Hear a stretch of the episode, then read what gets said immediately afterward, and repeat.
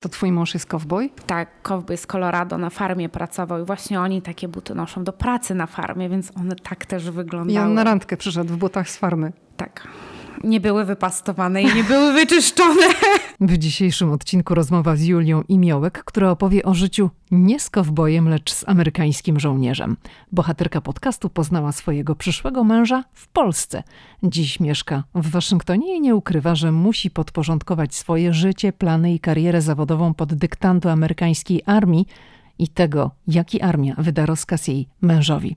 Zapraszam na odcinek z udziałem Julii Imiołek. Hej, tu Lidia Krawczuk. Los rzucił mnie do Waszyngtonu kilkanaście lat temu i to właśnie tutaj, w stolicy USA, powstaje podcast Ameryka i ja. Tu opowiadam o Ameryce, o życiu w Stanach i podróżowaniu po USA. Ameryka mnie fascynuje. Jeśli Ciebie, tak jak mnie, ciekawią Stany i chcesz wiedzieć o nich więcej, to jesteś we właściwym miejscu.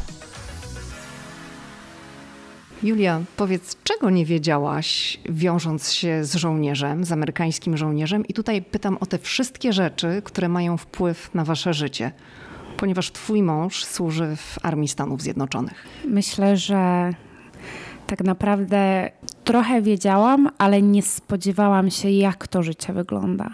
Wiedziałam, że oni się przeprowadzają, wiedziałam, że um, żołnierze mają dużo benefitów, natomiast nie wiedziałam, że to może być tak, że dostaje rozkaz i musi się spakować w ciągu tygodnia, miesiąca. Są też sytuacje, kiedy żołnierz musi w ciągu godziny wstawić się w pracę i wyjeżdża.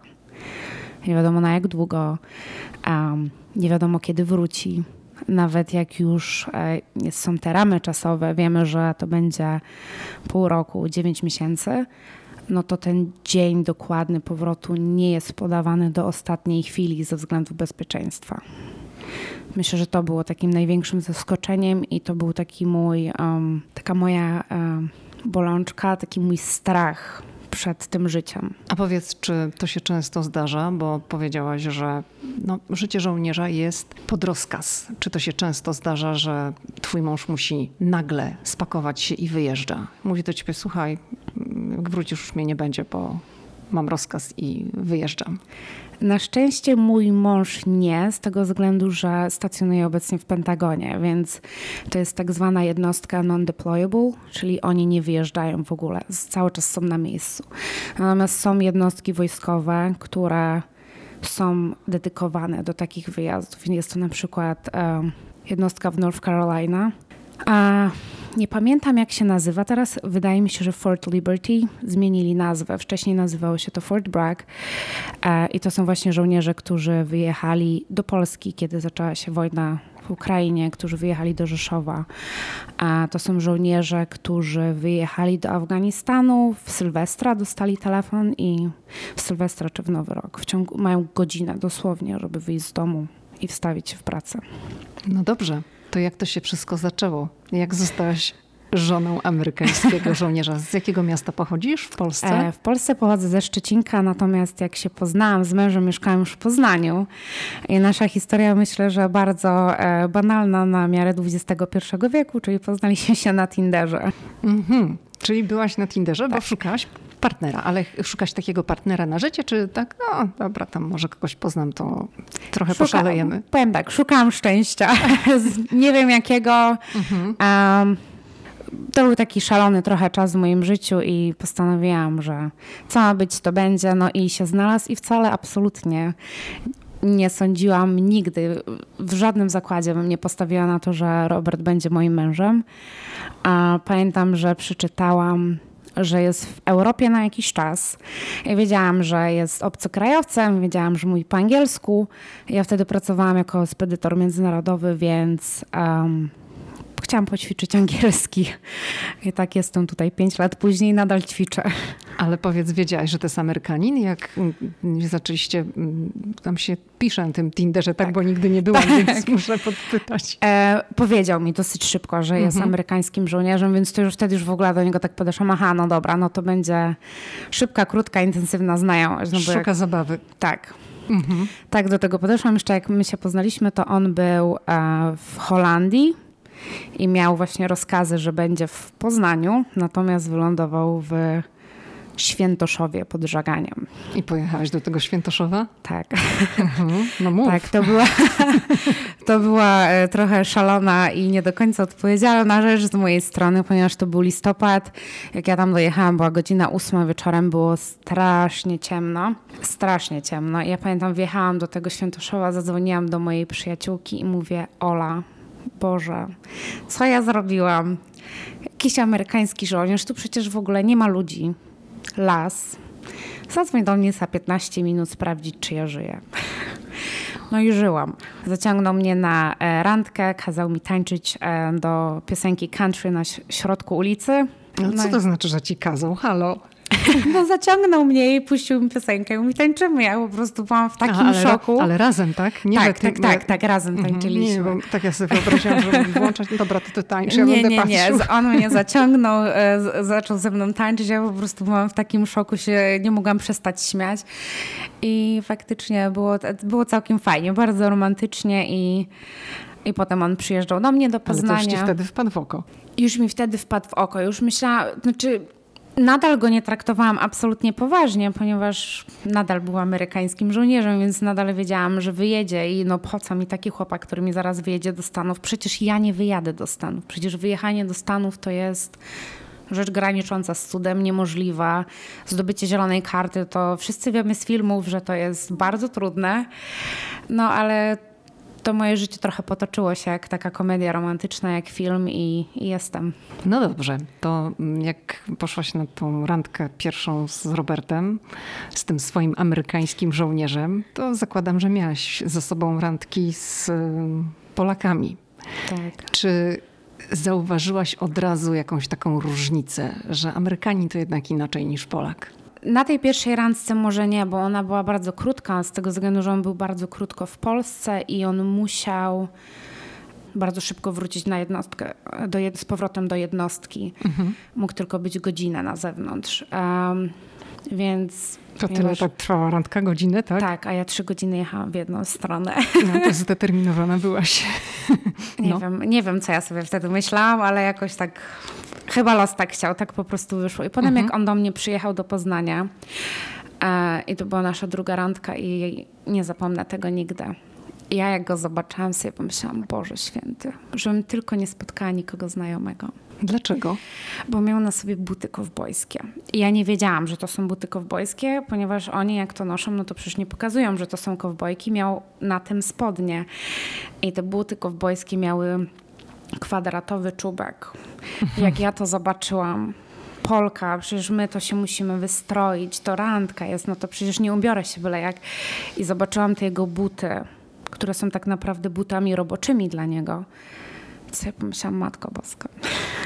Czy nie zrobiły na tobie wrażenia? Absolutnie Ale nie. wiesz, że takie kowbojki super, to one kilkaset dolców kosztują. To są... No właśnie, to były takie, natomiast... Ja ci wyślę zdjęcie, a zobaczysz. Absolutnie. Nadal mamy te buty, są głęboko schowane. Nie chodzi w nich. A ma zakaz? Nie ma zakazu, natomiast tam chyba już. Um, może to też, gdzie mieszkamy, powoduje to, że ich nie nosi. Ostatni raz, kiedy je miał na sobie, to było na koncercie Carrie Underwood. A poczekaj, to twój mąż jest cowboy? Tak, cowboy z Colorado na farmie pracował i właśnie oni takie buty noszą do pracy na farmie, więc one tak też wyglądały. I on na randkę przyszedł w butach z farmy. Tak nie były wypastowane i nie były wyczyszczone, więc absolutnie e, nie zrobiły na mnie wrażenia. Byłam w delikatnym szoku. To chcesz powiedzieć, że te polskie randki to mm, panowie byli mm, lepiej przygotowani Tak, wizerunkowo? ubrani, wypachnieni, włosy na żel zawsze. Natomiast tutaj tego nie było. No ale coś ci się podobało w tym Amerykaninie, a nie w Polakach? Nie wiem. Mi się wydaje, że mój Robert powodował, że ja się zawsze śmiałam. Przy każdej naszej rozmowie on był taki szczery i otwarty. I nie ma co się oszukiwać. Amerykanie to są tacy bajeranci, a ci żołnierze to już w ogóle. Mhm. E, więc. To czym cię e, zbajerował? A już nawet nie pamiętam czym dokładnie, ale właśnie tym, że ja się tak cały czas, ja z nim rozmawiałam od rana do nocy. I ja się cały czas śmiałam. I chyba to było takie coś, czego ja w życiu potrzebowałam. No i jakoś tak, on mnie trochę zmusił, żebym ja z nim była. Ja to się śmieję do dzisiaj, że ja mu od razu powiedziałam, że słuchaj, w ogóle, wiesz, znamy się, znamy, no ale ty jedziesz do Stanów, ja tu zostaję i koniec. A on, on powiedział, że nie, że ja będę jego żoną. A kiedy ja... ci to powiedział? Trzy miesiące się znaliśmy. Mhm. Powiedziałam mu, że jest niepoważny, ale wiem, że z moją przyjaciółką wybierali wtedy pierścionek zaręczynowy dla mnie, natomiast on dostał rozkaz i przynieśli go do Niemiec. I ja już wtedy miałam takie, dobra, już po ptokach. No przecież w Niemczech to on był tam w okolicach Norymbergi, 7 godzin jazdy z Poznania, co myślałam, przecież no, jakby już koniec. Koniec historii. Natomiast był bardzo zdeterminowany i się dwa razy spotkaliśmy w Berlinie. Mm. No a potem zostały granice zamknięte z wiadomych powodów. COVID? Tak. I tak trochę mieliśmy e, pod górkę całą tą naszą znajomość, bo zamknęli te granice i kiedy mieli już je otworzyć po Bożym Ciele, on miał wracać do Stanów w lipcu i zmienili mu rozkaz i wyjechał przed Bożym Ciałem, więc się już nie zobaczyliśmy po tym. Um, ostatni raz się widzieliśmy na walentynki w lutym. To ile tak randkowaliście, zanim ten twój Amerykanin ci się oświadczył? On mi się tak naprawdę nigdy nie oświadczył. Nigdy mi się no to nie poczekaj, mówiłaś, że wybierali pierścionek. To kupili go czy nie? Nie kupili go, bo moja przyjaciółka nie doszła do tego, jaki mam rozmiar, więc miał mi się na święto oświadczyć. E, nie oświadczył się. Potem z tego, co słyszałam i się domyślałam, miał się oświadczyć właśnie w czerwcu, jak wyjechali, jak miał wyjeżdżać przed wyjazdem. Natomiast tego nie zrobił, by się nie spotkaliśmy. I przyszedł taki moment, że po tym my się nie widzieliśmy półtora roku. Jakoś po roku ja mu powiedziałam: Słuchaj, albo w prawo, albo w lewo, ja nie mogę już żyć na telefonie. I albo ja przyjeżdżam do Stanów, albo sobie dajmy spokój, bo jesteśmy obydwoje wyczerpani. Tym, to jest 7 godzin różnicy pomiędzy Teksasem a Polską. Ja już byłam wyczerpana i on powiedział: rzuć pracę i przyjedź. Czyli po prostu przyszpiliłaś go do ściany. Znaczy, trochę tak. Mhm. E, trochę tak. Musiałam go przyszpilić, bo no, nie wiedzieliśmy, co się stanie. Granice nadal były zamknięte do Stanów wtedy. Um, rozporządzenie prezydenta Trumpa nie mówiło, kiedy zostaną granice otwarte, więc... Um, Poczekaj, przyleciałaś przez Meksyk? Tak. Mhm. Czyli przeleciałaś w pandemii, to było w tak. 2021 Pierwszy. pewnie? Mhm. Tak. Mhm. Przeleciałam przez Meksyk. W ogóle bardzo ciekawe jest to, że zaraz po tym, jak ja przeleciałam, otworzyli te granice. Aha. Musiałaś w Meksyku tydzień czy dwa tygodnie spędzić? Dwa tygodnie, tygodnie? natomiast mhm. Według tego rozporządzenia dwa tygodnie to jest 16 dni, nie 14. Aha. Bo dzień przylotu i wylotu się nie liczy. Ja miałam bilet kupiony do Stanów na dzień 15 i mnie nie wpuścili do samolotu anulowali mi ESTA, nie wpuścili mnie, ale jakby nikt mi o tym nie powiedział, że moja ESTA jest anulowana. Po prostu mi przebukowali bilet na kolejny dzień i powiedzieli, że przyjdź jutro, a polecisz jutro. I ja z maila, przypadkiem z maila zobaczyłam, że moja ESTA została anulowana. Ja zaczęłam dzwonić, pytać się i powiedziano mi, że muszę jechać na lotnisko powiedzieć, co się stało. Oni muszą zadzwonić do jakiejś tam agencji, już nawet nie pamiętam nazwy. I że tą estę mi przywrócą, ponieważ ona nie została mi anulowana z tego względu, że nie zostałam wpuszczona do Stanów Zjednoczonych przez urzędnika, tylko przez to, że nie zostałam wpuszczona do samolotu, jakby zapobiegając temu, że zostanę odrzucona przez urzędnika. No i pojechałam na to lotnisko. nie przywrócono mi tej esty. Musiałam zaaplikować jeszcze raz. Na odpowiedź mają 72 godziny. Czekałam 35 minut i to było najdłuższe 35 minut mojego życia, bo nie wiedziałam, czy powinnam bukować hotel, czy powinnam bukować bilety do Polski, czy powinnam przebukować znowu bilet do Stanów. Totalnie nie wiedziałam, co mam zrobić. Po 35 minutach dostałam maila, że moja ESTA jest przyznana i mogę lecieć. I poleciałam. Czy jak leciałaś do Stanów, to już leciałaś z takim przeświadczeniem, że no, pobierzecie się w Stanach, że zaczynacie budować swoje życie razem, czy to po prostu było tak, no dobra, spróbujemy? to było zobaczymy, co się wydarzy. Absolutnie ja nigdy nie byłam w Stanach wcześniej. To był mój pierwszy mhm. i ostatni raz tak naprawdę, bo już zostałam. Nie byłaś w Polsce od tego czasu? Byłam rok temu na weselu, ale y, przyleciałam i zostałam i tak naprawdę nie wiedziałam, kiedy wrócę do Polski, no bo jeżeli miałam zamiar zostać, to musiałam przyjść cały proces na zieloną kartę, który wiadomo nie jest krótkim i łatwym procesem, szczególnie w covid -zie. Więc um, poleciałam i miałam, wiedziałam, że będę trzy miesiące. I wiedziałam, że w ciągu tych trzech miesięcy muszę podjąć decyzję, co z moim życiem. Mhm. No i nadal mi się nie oświadczył. Ale już jesteście małżeństwem. Tak, nadal mi się nie oświadczył. Pierścionek zaręczynowy wsunął mi razem z obrączką podczas I do. Okej. Okay. Tak. No to już się raczej nie oświadczy, wiesz, nie chciałabym cię rozczarować. Kurczę, ale... no trochę cały czas mam nadzieję, no ale myślę, że już, już po, po ptakach. No właśnie. No dobrze, to y, powiedz, jak przyleciałaś do Stanów, był to dla ciebie szok? Stany były szokiem, czy niekoniecznie? Pamiętam, że mieliśmy na początku przesiadkę w Denver i na dzień dobry poznałam jego rodzinę, bo mieliśmy przesiadkę przez noc, więc spaliśmy u jego cioci w domu, więc ja byłam w ogóle zestresowana, bardzo niewierząca w to, że ja potrafię mówić po angielsku. I na dzień dobry musiałam poznać jego rodzinę. Ale taki to był stres wynikający z tego, że jakby nie doceniałaś swoich możliwości, czy naprawdę nie mówiłaś? Nie no, musiałaś mówić, przecież się komunikowaliście, no chyba nie na migi. Tak, tym bardziej, że ja pracowałam jako spedytor międzynarodowy no. przez wiele lat i współpracowałam z Anglią, z Niemcami, z Holandią. Czyli wykazałaś się taką typową polską cechą, że taki... Mm, tak. Uh-huh. Tym bardziej, że ja w pracy głównie pisałam maile, nie mówiłam. Uh-huh i tylko z nim rozmawiałam. Więc no wiedziałam, no, że on miałaś dużo... indywidualne konwersacje. Tak, więc wiedziałam, że on ma dużo wyrozumiałości na to, co ja mówię i jak ja mówię. Natomiast Amerykanie i jego rodzina przede wszystkim nie musi mieć tej wyrozumiałości. Natomiast od razu mi powiedzieli, że mówię wspaniale, że w ogóle mam taki przecudowny akcent, to takie bardzo amerykańskie. Masz piękny akcent, jak ty pięknie mówisz. Byli pod wrażeniem i polecieliśmy do Teksasu. I pamiętam mój pierwszy szok to było jak zobaczyłam jego auto, ponieważ miał traka i ten trak miał e, klamkę do drzwi na wysokości moich oczu. A, czyli był taki podniesiony, podniesiony. tak, te wielkie takie opony. Tak, ja ledwo do niego się wdrapałam dosłownie, bo nawet nie wsiadłam, bo tam trzeba było wskoczyć, wdrapać się po schodach. E, mój drugi szok to był, że Teksas jest zielony. Myślałam, że tam jest bardziej pustynny krajobraz, natomiast było bardzo zielono. A potem pojechaliśmy do restauracji, dostałam porcję jedzenia.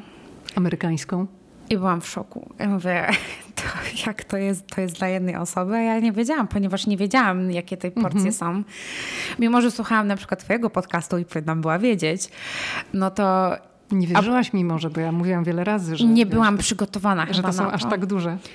Byłam w szoku totalnym, bo ja sobie zamówiłam appetizer, zamówiłam sobie danie główne i zamówiłam sobie deser. I ja to jadłam potem przez trzy dni. A, czyli wzięłaś boks, tak? Wzięłam na wynos, bo no, no nie szło tego zjeść. Mhm. Trzy dni to jadłam.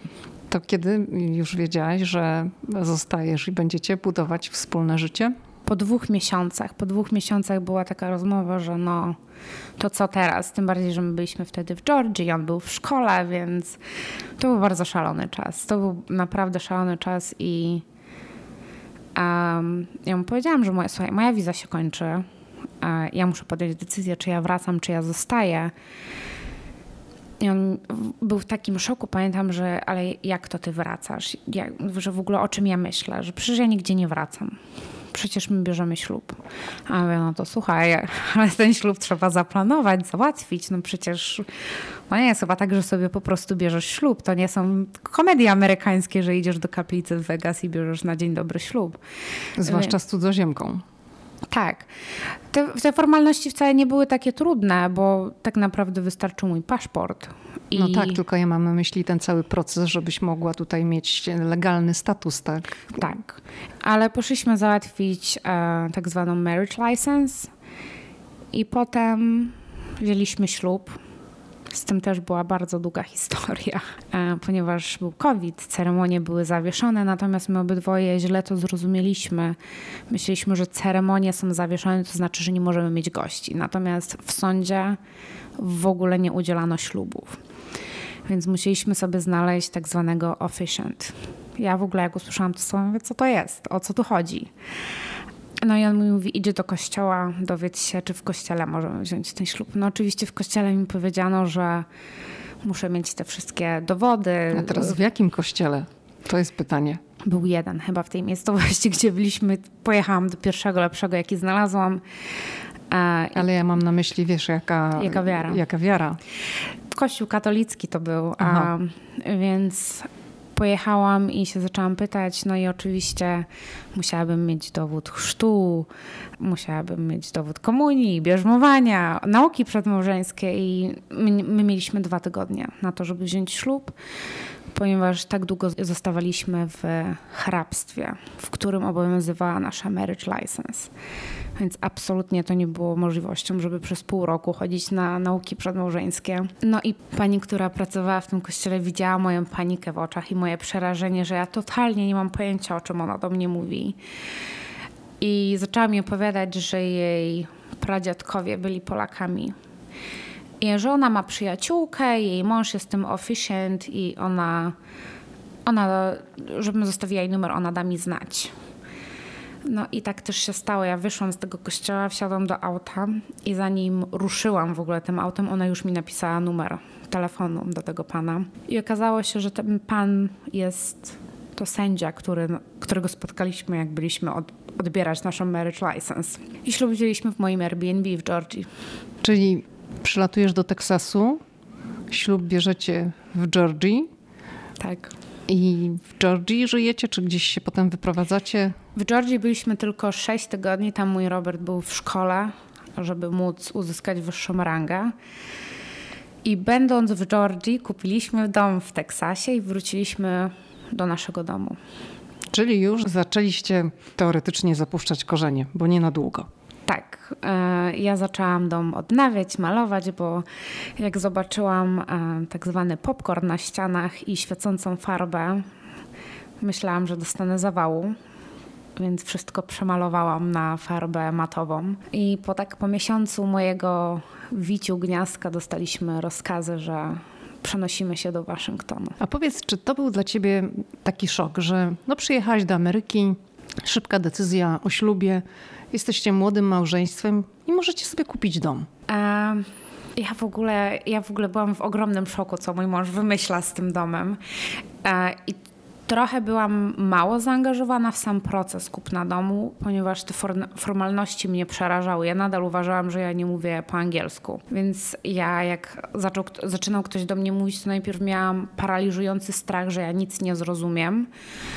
No ale po chwili musiałam się ogarnąć i dochodziło do mnie to, że ja rozumiem, co oni do mnie mówią i musiałam też bardzo dużo przy tym wszystkim pomóc, ponieważ tak jak mówiłam, Robert był w szkole i on nie był w stanie wielu formalności załatwić samemu. I ja pożyczki nie mogłam wziąć, ponieważ wtedy nie miałam Social Security Number ale byłam wpisana jako współwłaściciel. Jakby on nie może zrobić nic z domem bez mojej zgody.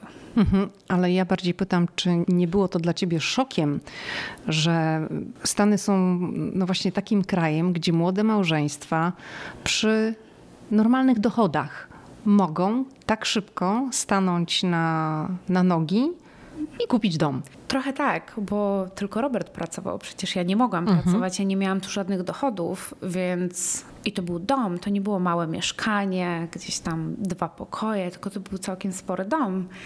Więc y, Teksas jest też przyjaznym stanem, jeżeli chodzi o kupowanie domów, ponieważ ceny tam są dużo bardziej przystępne niż tutaj. Niż tutaj, dokładnie. Mhm. I ceny, pamiętam, były bardzo szokujące na początku jak sobie przeliczałam to jeden do jednego, to za takie pieniądze w Polsce to ja nie wiem, co ja bym kupiła, chyba nic.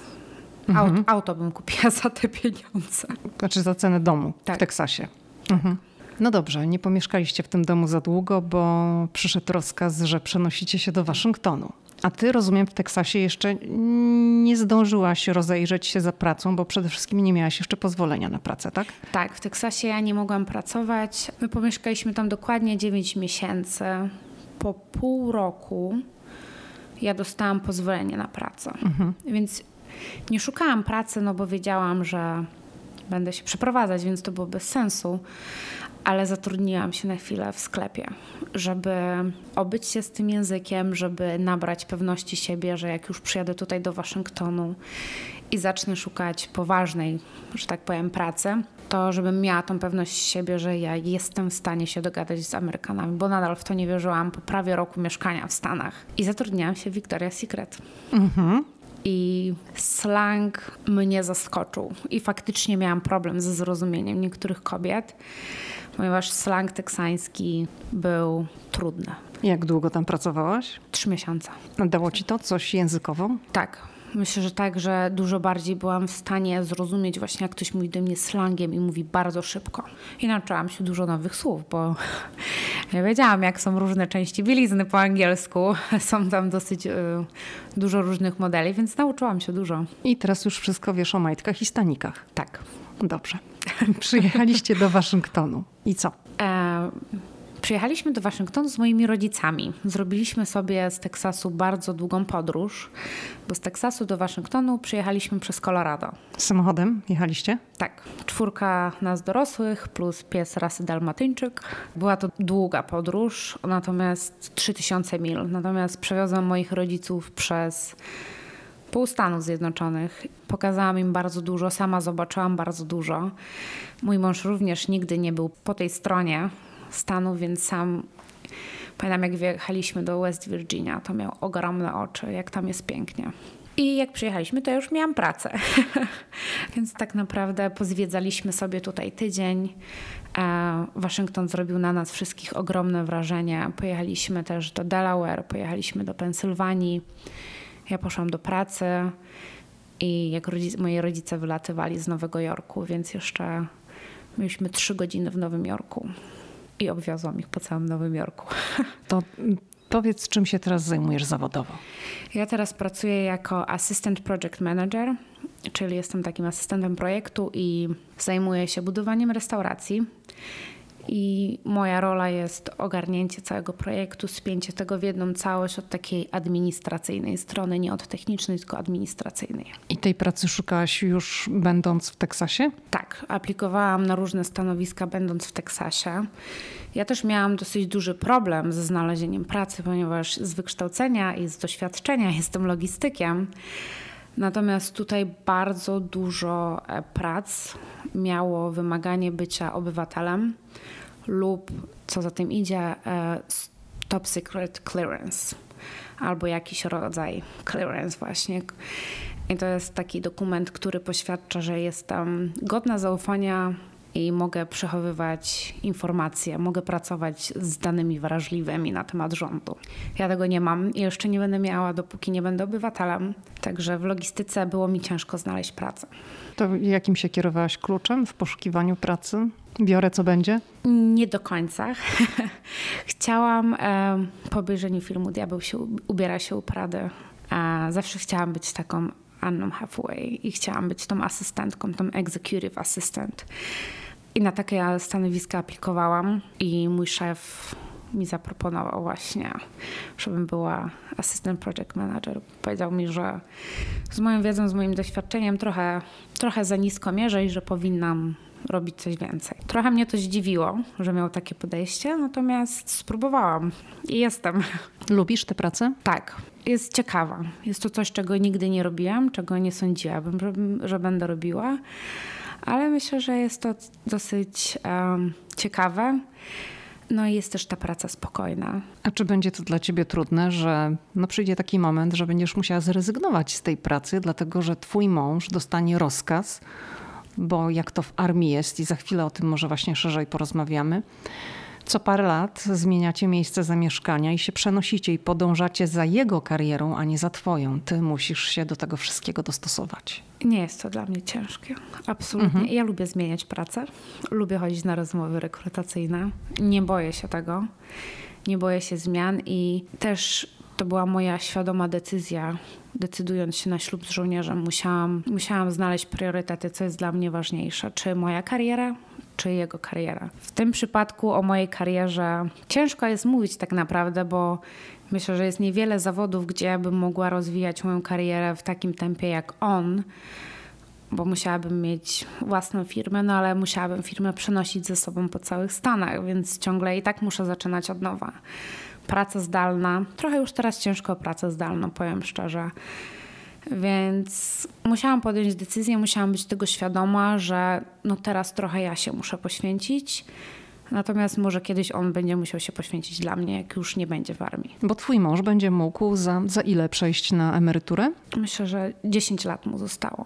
No jest młodym człowiekiem, ale w Stanach 20 lat, tak? Musi Tak, 20 lat musi być w armii, żeby mieć prawo do emerytury. Czyli 40 lat i może po prostu zaczynać nowy rozdział w życiu. Tak. Okej. Okay. Powiedz, gdybyś miała rozwinąć hasło, co to tak naprawdę znaczy military wife? A, to zależy, zależy kogo się tak naprawdę pyta, bo myślę, że bardzo dużo ludzi ma bardzo dużo definicji. Jedne są lepsze, drugie są gorsze. Myślę, że przede wszystkim military wife to jest taka kobieta, która właśnie musi podążać za tym mężem, musi być gotowa na to, że nie zobaczy męża przez rok czasu. Ciężka praca tak naprawdę. Co dokładnie, konkretnie robi twój mąż w amerykańskiej armii? Wcześniej, kiedy był w normalnej jednostce e, wojskowej, był czołgistą. Nie wiem, czy to tak poprawnie po polsku się mówi. No, ale każdy wie, o co chodzi. E, był dowódcą czołgu. Mm, później był master gunner, czyli on był odpowiedzialny za szkolenia żołnierzy w zakresie strzelnictwa. Właśnie z czołgu. Czołgi były jego specjalnością. E, no ale pewnego dnia jakiś generał wylądował mu e, na poligonie i prawdopodobnie tak się znalazł w Pentagonie. Nie do końca wiemy, jak to się stało, ale został wybrany i ma to szczęście, że właśnie jest tutaj w Pentagonie i rozwija się w zupełnie innym kierunku. I w tym momencie nie do końca też wszystko mogę powiedzieć, ale piszę bardzo dużo raportów Aha. na różne tematy. To jak długo będziecie tutaj i jaka jest przyszłość przed twoim mężem? No bo pytam o twojego męża, bo ty będziesz musiała się dostosować do męża. Tak. tak. Tak naprawdę nie wiemy, jak długo to będziemy. Jesteśmy już półtora roku. Z opowieści wiemy, że standardowo e, na tym stanowisku, na którym on jest, powinien być 3 lub 4 lata tutaj. Natomiast mój mąż nie lubi się nudzić e, i teraz postanowił zaaplikować, żeby zostać pilotem helikoptera, więc wszystko zależy czy się dostanie do szkoły, czy jest miejsce, żeby został przyjęty. No i wtedy się okaże, czy polecimy do Alabamy na jego szkolenia, czy może gdzieś indziej nas los poniesie. Czyli jeżeli się dostanie na szkolenie, to ty będziesz musiała po prostu szukać szczęścia w Alabamie. Szukać szczęścia, mówię o no, takim zawodowym szczęściu, tak to nazwijmy. Dosłownie będę musiała tam szukać szczęścia, ponieważ um, ta jednostka wojskowa jest przy bardzo małych miastach i możliwości zawodowe tam w porównaniu do Waszyngtonu, to, to nie jest to samo. A powiedz Julia, czy żony żołnierzy, żony wojskowych trzymają się razem? Polki na pewno. Poznałam kilka super Polek. Myślę, że żony żołnierzy też. Jest mnóstwo grup na Facebooku, gdzie te żony się łączą, gdzie rozmawiają, gdzie szukają przyjaciół. Bardzo dużo jest takich postów. Cześć, przyjechaliśmy do tej jednostki wojskowej, jesteśmy nowi, szukam przyjaciół, czy ktoś pójdzie ze mną na kawę, bo nie znam tu nikogo. I to faktycznie tak trochę jest, bo bardzo ciężko o takie stałe przyjaźnie w wojsku. Już ciągle się przenosisz, a twoi przyjaciele niekoniecznie z tobą. Ale jakoś się poznaje tych ludzi. Jeszcze nie miałam z tym problemu. I gdzie nie wyląduję, tam są Polki. No dobrze, ale ty mówisz cały czas o Polkach, a ja też mam na myśli żony, na przykład twojego męża, kolegów z pracy. Czy wy się razem trzymacie, czy niekoniecznie? W wojsku te relacje też, one są bardzo określone.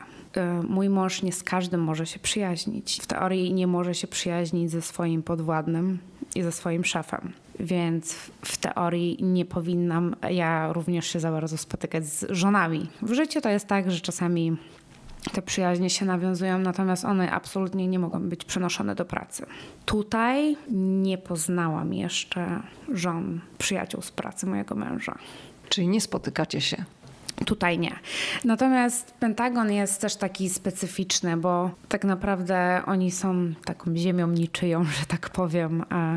Nie do końca wiadomo, kto jest dowódcą, nie do końca wiadomo, gdzie jest, gdzie oni są przypisani, jak to działa, więc nie, tutaj jest się z żonami e, z pracy mojego męża. Nie, nie znam, nawet nie, że nie przyjaźnie, tylko po prostu nie znam. Natomiast mój mąż ma niesamowitą zdolność poznawania ludzi na ulicy.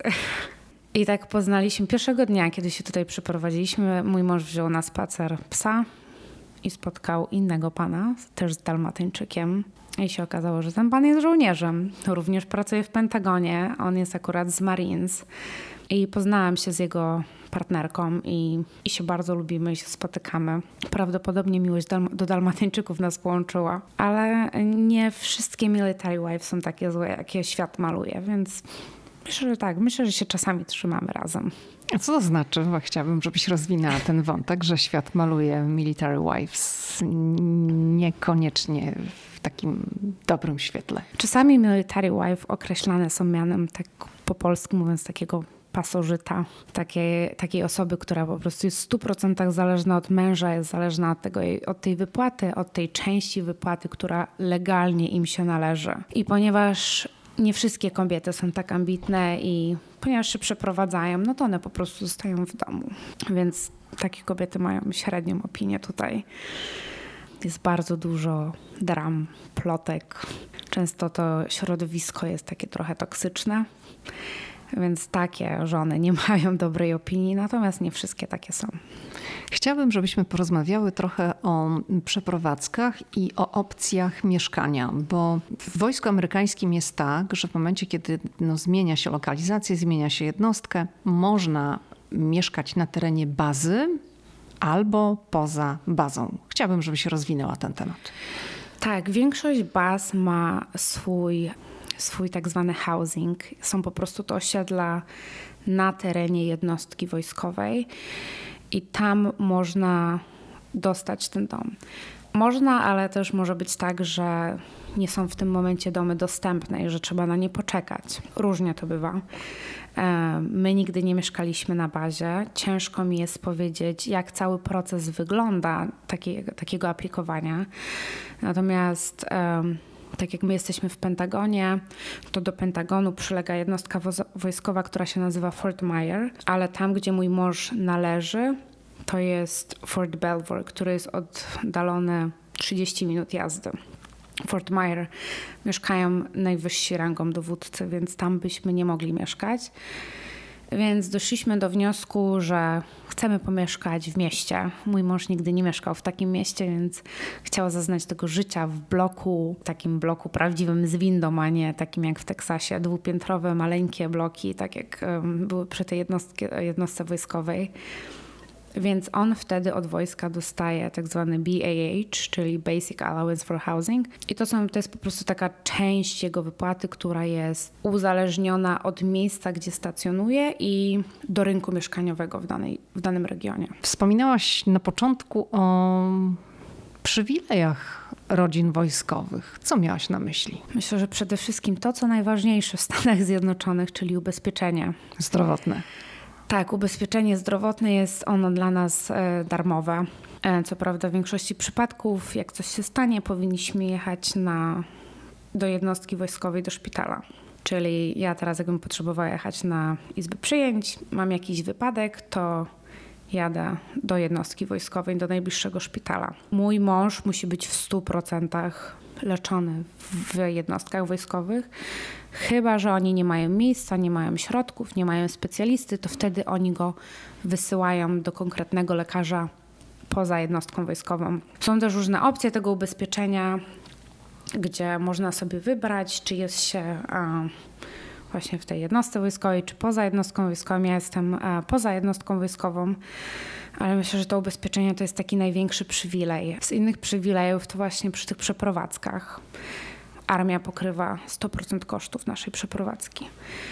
Przyjeżdżają ludzie z firmy przeprowadzkowej, pakują wszystko do kartonów, do samochodu, przyjeżdżają, rozpakowują kartony, a ja sobie już z kartonów rozpakowuję sama. Więc to też jest fajne. Oczywiście nasze koszty podróży to nowego miejsca również pokrywają. Czy to paliwo, hotele, czy bilety lotnicze, to wojsko pokrywa. Z innych przywilejów, no to właśnie ten BAH jest taka e, znacząca część wypłaty, która się dostosowuje do tego, gdzie jesteśmy. Co jeszcze? Dobrze, to zapytam teraz trochę z innej strony. Mhm. Przywileje są fajne, ale czy jest gdzieś tam w tyle głowy ta myśl, że może przyjść rozkaz, że twój mąż ma jechać na wojnę? Na szczęście teraz Stany Zjednoczone nie są bezpośrednio zaangażowane w żadną e, wojnę, czyli tak zwane combat deployment, więc chwilowo, chwilowo jestem spokojna. Mhm. Natomiast mój mąż był w Afganistanie i był w Iraku i to jest taka myśl, która jest z tyłu mojej głowy.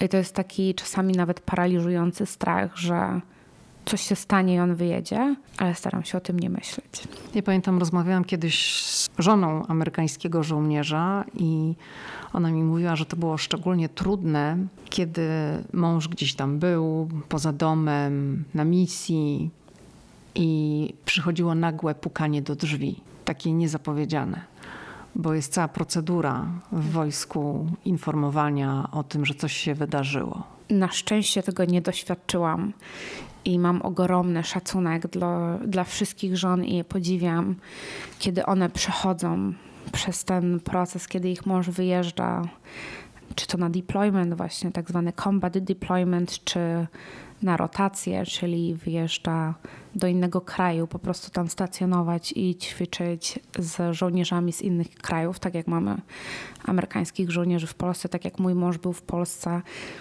to ja wtedy jego żoną nie byłam. Ja wtedy byłam tą Polką. Natomiast nawet w takiej sytuacji, jak on wyjeżdża na 9 miesięcy, zawsze się może coś stać. I bardzo podziwiam takie osoby. Na szczęście ta myśl jest gdzieś z tyłu, z tyłu głowy, dopóki jesteśmy tutaj w Waszyngtonie, w Pentagonie. Nie muszę się o to martwić, natomiast nie wiem, co będzie, jak wrócimy do, że tak powiem, normalnej jednostki wojskowej. No i zwłaszcza, jeżeli twój mąż zostanie przyjęty i będzie się szkolił, żeby być pilotem śmigłowca, tak? Tak. No, mój mąż ma różne pomysły, także nawet sama szkoła, sam fakt tego, że wychodzi do pracy codziennie lata helikopterem, to to jest dużo. A nie Przecież... powiedziałaś mu, po co ty to robisz? Bo on ma taki argument, że. Ale powiedziałaś mu, tak? Oczywiście, że tak. Mhm. Przecież on ma 100 pomysłów na minutę i jednym z jego marzeń jest, że jak on już nie będzie w armii, no to przecież nadal będzie pilotem. No to przecież on może być pilotem helikoptera dla FBI. Mhm. Nie wiem, czy może. Ja też nie wiem. nie mam mhm. pojęcia, czy, czy tam są jakieś wymagania.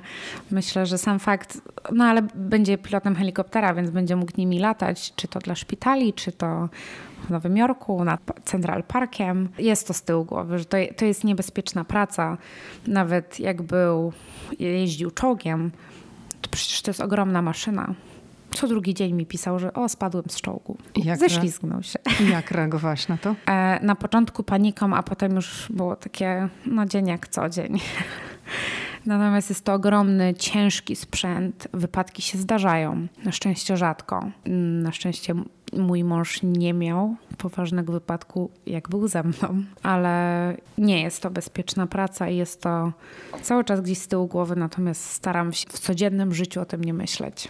A powiedz, czy zaskoczyło Cię takie podejście i taki bardzo duży szacunek do amerykańskich żołnierzy i rodzin wojskowych, bo ty jesteś teraz nie tylko military wife, ale jesteście military family i no często tutaj w Stanach Zjednoczonych podkreśla się rolę żołnierzy, rodzin wojskowych, które też no, poświęcają jakiś kawałek swojego życia, swoje jakieś cele, karierę, tak jak w przypadku żon.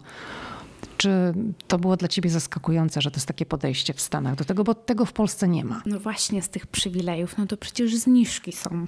O najważniejszym zapomniałam. Mhm. E, tak, na każdym kroku słychać thank you for your service. E, bardzo często nawet jak nie jest w mundurze, ludzie wiedzą, że on jest żołnierzem, bo ma jakąś czapkę z jakimś tam naszywką, która pokazuje, że on jest żołnierzem. Bardzo często w sklepach się pytają, czy jesteś żołnierzem? O, to damy ci zniżkę. Dzień weterana, e, kiedy są darmowe posiłki dla żołnierzy, dla weteranów, zniżki w biletach lotniczych i na każdym kroku widać ten szacunek. Pamiętam taki moment, jak przyjechaliśmy do Waszyngtonu i nasze, nasze pierwsze obejście National Mall. Największe wrażenie właśnie na mnie zrobiła wycieczka weteranów, którzy byli przy pomniku wojny w Wietnamie. I ten szacunek, który ludzie, którzy po prostu przechodzili, też tam byli. Oni wszyscy mieli czapkę z napisem Vietnam Veteran i mnóstwo ludzi stawało, dziękowało im rozmawiało z nimi, oni opowiadali historię z wojny. Jest ten szacunek ogromny. Julia, ty i twój mąż zostaniecie w przyszłym roku rodzicami. I tak. powiedz, czy no zastanawiasz się czasem, myślisz o tym, jak to życie, które wy sobie wybraliście, życie rodziny wojskowej, będzie miało wpływ na, na życie waszego dziecka? Ja mam nadzieję, że nasze dziecko będzie żądne przygód po nas. Mhm. Więc te przeprowadzki, wiadomo, że dla dzieci na pewno są trudne, bo zmiana szkoły, zmiana przyjaciół, dorośli to inaczej traktują. Mam nadzieję, że do czasu, kiedy ona będzie miała przyjaciół, będzie budowała taką sieć swoich prawdziwych przyjaciół, to nasze życie w armii się skończy i będziemy mogli być w jednym miejscu. Ale na pewno dla dziecka to może być e, trudna. Mój e, szef jest też weteranem. Jego tata też był w wojsku i też opowiadał, że mieszkał tu na Islandii, tu w Georgii, a tu gdzieś tam i się przeprowadzali. I to chyba trzeba mieć taki charakter osobowy, żeby to lubić. Nie dla każdego to jest łatwe. To ile wam zostało takiego wojskowego życia, o tak powiem? Chyba 10 lat. Chyba 10 lat Robert będzie musiał być 22 lata ze względu na tą szkołę latania. Więc chyba jeszcze 10 lat dokładnie, więc nasze dziecko będzie miało potencjalnie 9 lat. Jak siebie widzisz za 10 lat? Co ty byś chciała robić za 10 lat? No bo teraz przyjdzie w twoim życiu taki okres, zostaniesz mamą, więc te pierwsze 2-3 lata, no to wiadomo, to mm, są takie specyficzne, powiedziałabym. Jak jest dziecko takie malutkie, potem jest ten, no w Ameryce to wiadomo, że zaraz będzie żłobek, tak? No ale jak już jest troszeczkę starsze, jest powiedzmy łatwiejsze w obsłudze, tak bym powiedziała. To jest ten inny etap, więc na razie to macierzyństwo na pewno na początku cię w jakiś sposób zaabsorbuje mocno. Ale jak ty widzisz siebie za 10 lat, wtedy kiedy już twój mąż przestanie być żołnierzem, dziecko będzie odchowane. Czy to jest wtedy czas dla ciebie? Ty wtedy będziesz chciała rzeczywiście jakoś tak wystrzelić i rozwijać swoją karierę, bo ty jesteś młodą osobą, więc to będziesz wchodziła w taki okres, wiesz, zbierania plonów. Wiesz co, nie umiem ci odpowiedzieć na to pytanie, bo to, czego mnie nauczyła armia, mhm. to, że nie wolno planować. Bo jak sobie coś zaplanujesz, to oni ci zmienią plany na pewno. No ale to wtedy już po 10 latach ci nie będą mogli zmieniać. Tak, ale nie wiem. Myślę, że na ten moment tak bardzo żyję tym najbliższym rokiem, tym najbliższym czasem, bo nawet nie rokiem. Ja nie wiem, czy ja za rok będę w Waszyngtonie, czy będę w Alabamie, a może w zupełnie innym miejscu jeszcze w Stanach. Więc tak jak zawsze planowałam mocno naprzód, tak teraz się nauczyłam, że tego nie robię. I muszę żyć z tym, co, co się wydarzy w najbliższej przyszłości i muszę się dostosować. Takie moje idealne marzenie za te 10 lat, na ten moment, to się może zmienić. A myślę, że chciałabym mieszkać w Colorado. To jest stan, w którym się zakochałam, stamtąd pochodzi mój mąż. I te góry wyglądają, jakby to była fototapeta. To nie wygląda realnie, są tak piękne. Nie wiem, czy to się uda. Zobaczymy. Nie wiem, czy mi się to zmieni. Nie wiem, gdzie będę, jeżeli chodzi o moją karierę, bo ja mam też dużo pomysłów. Mhm. Więc może się, może, się, może się zmienić wszystko. A co zrobiliście z tym domem w Teksasie? Stoi jeszcze. Aha. jeszcze jest. Na razie, e, na razie był wynajmowany, teraz e, planujemy go sprzedać. Ale jest. Czy w rodzinie twojego męża to są tradycje wojskowe, czy twój mąż jest pierwszy? Ja myślę, że w każdej amerykańskiej rodzinie jest ktoś wojskowy. Przynajmniej tak w, pośród moich znajomych zawsze słyszę, że a, ktoś był wojskowym. E, nie wiem, czy u mojego męża bym to nazwała tradycją, natomiast na pewno był jego dziadek, był jego jeden wujek, drugi wujek. E, jego tata też był w wojsku. Nie tak długo. Nikt, nie, nikt z nich nie zrobił takiej kariery wojskowej. Wszyscy mieli te swoje cztery lata, pierwszy kontrakt i odeszli. Natomiast Robert związał z wojskiem całe swoje życie i taką karierę ma pierwszy w rodzinie. Ale dla waszej córki też już zaplanował, że wojsko? Mam nadzieję, że nie. nie konsultował tego.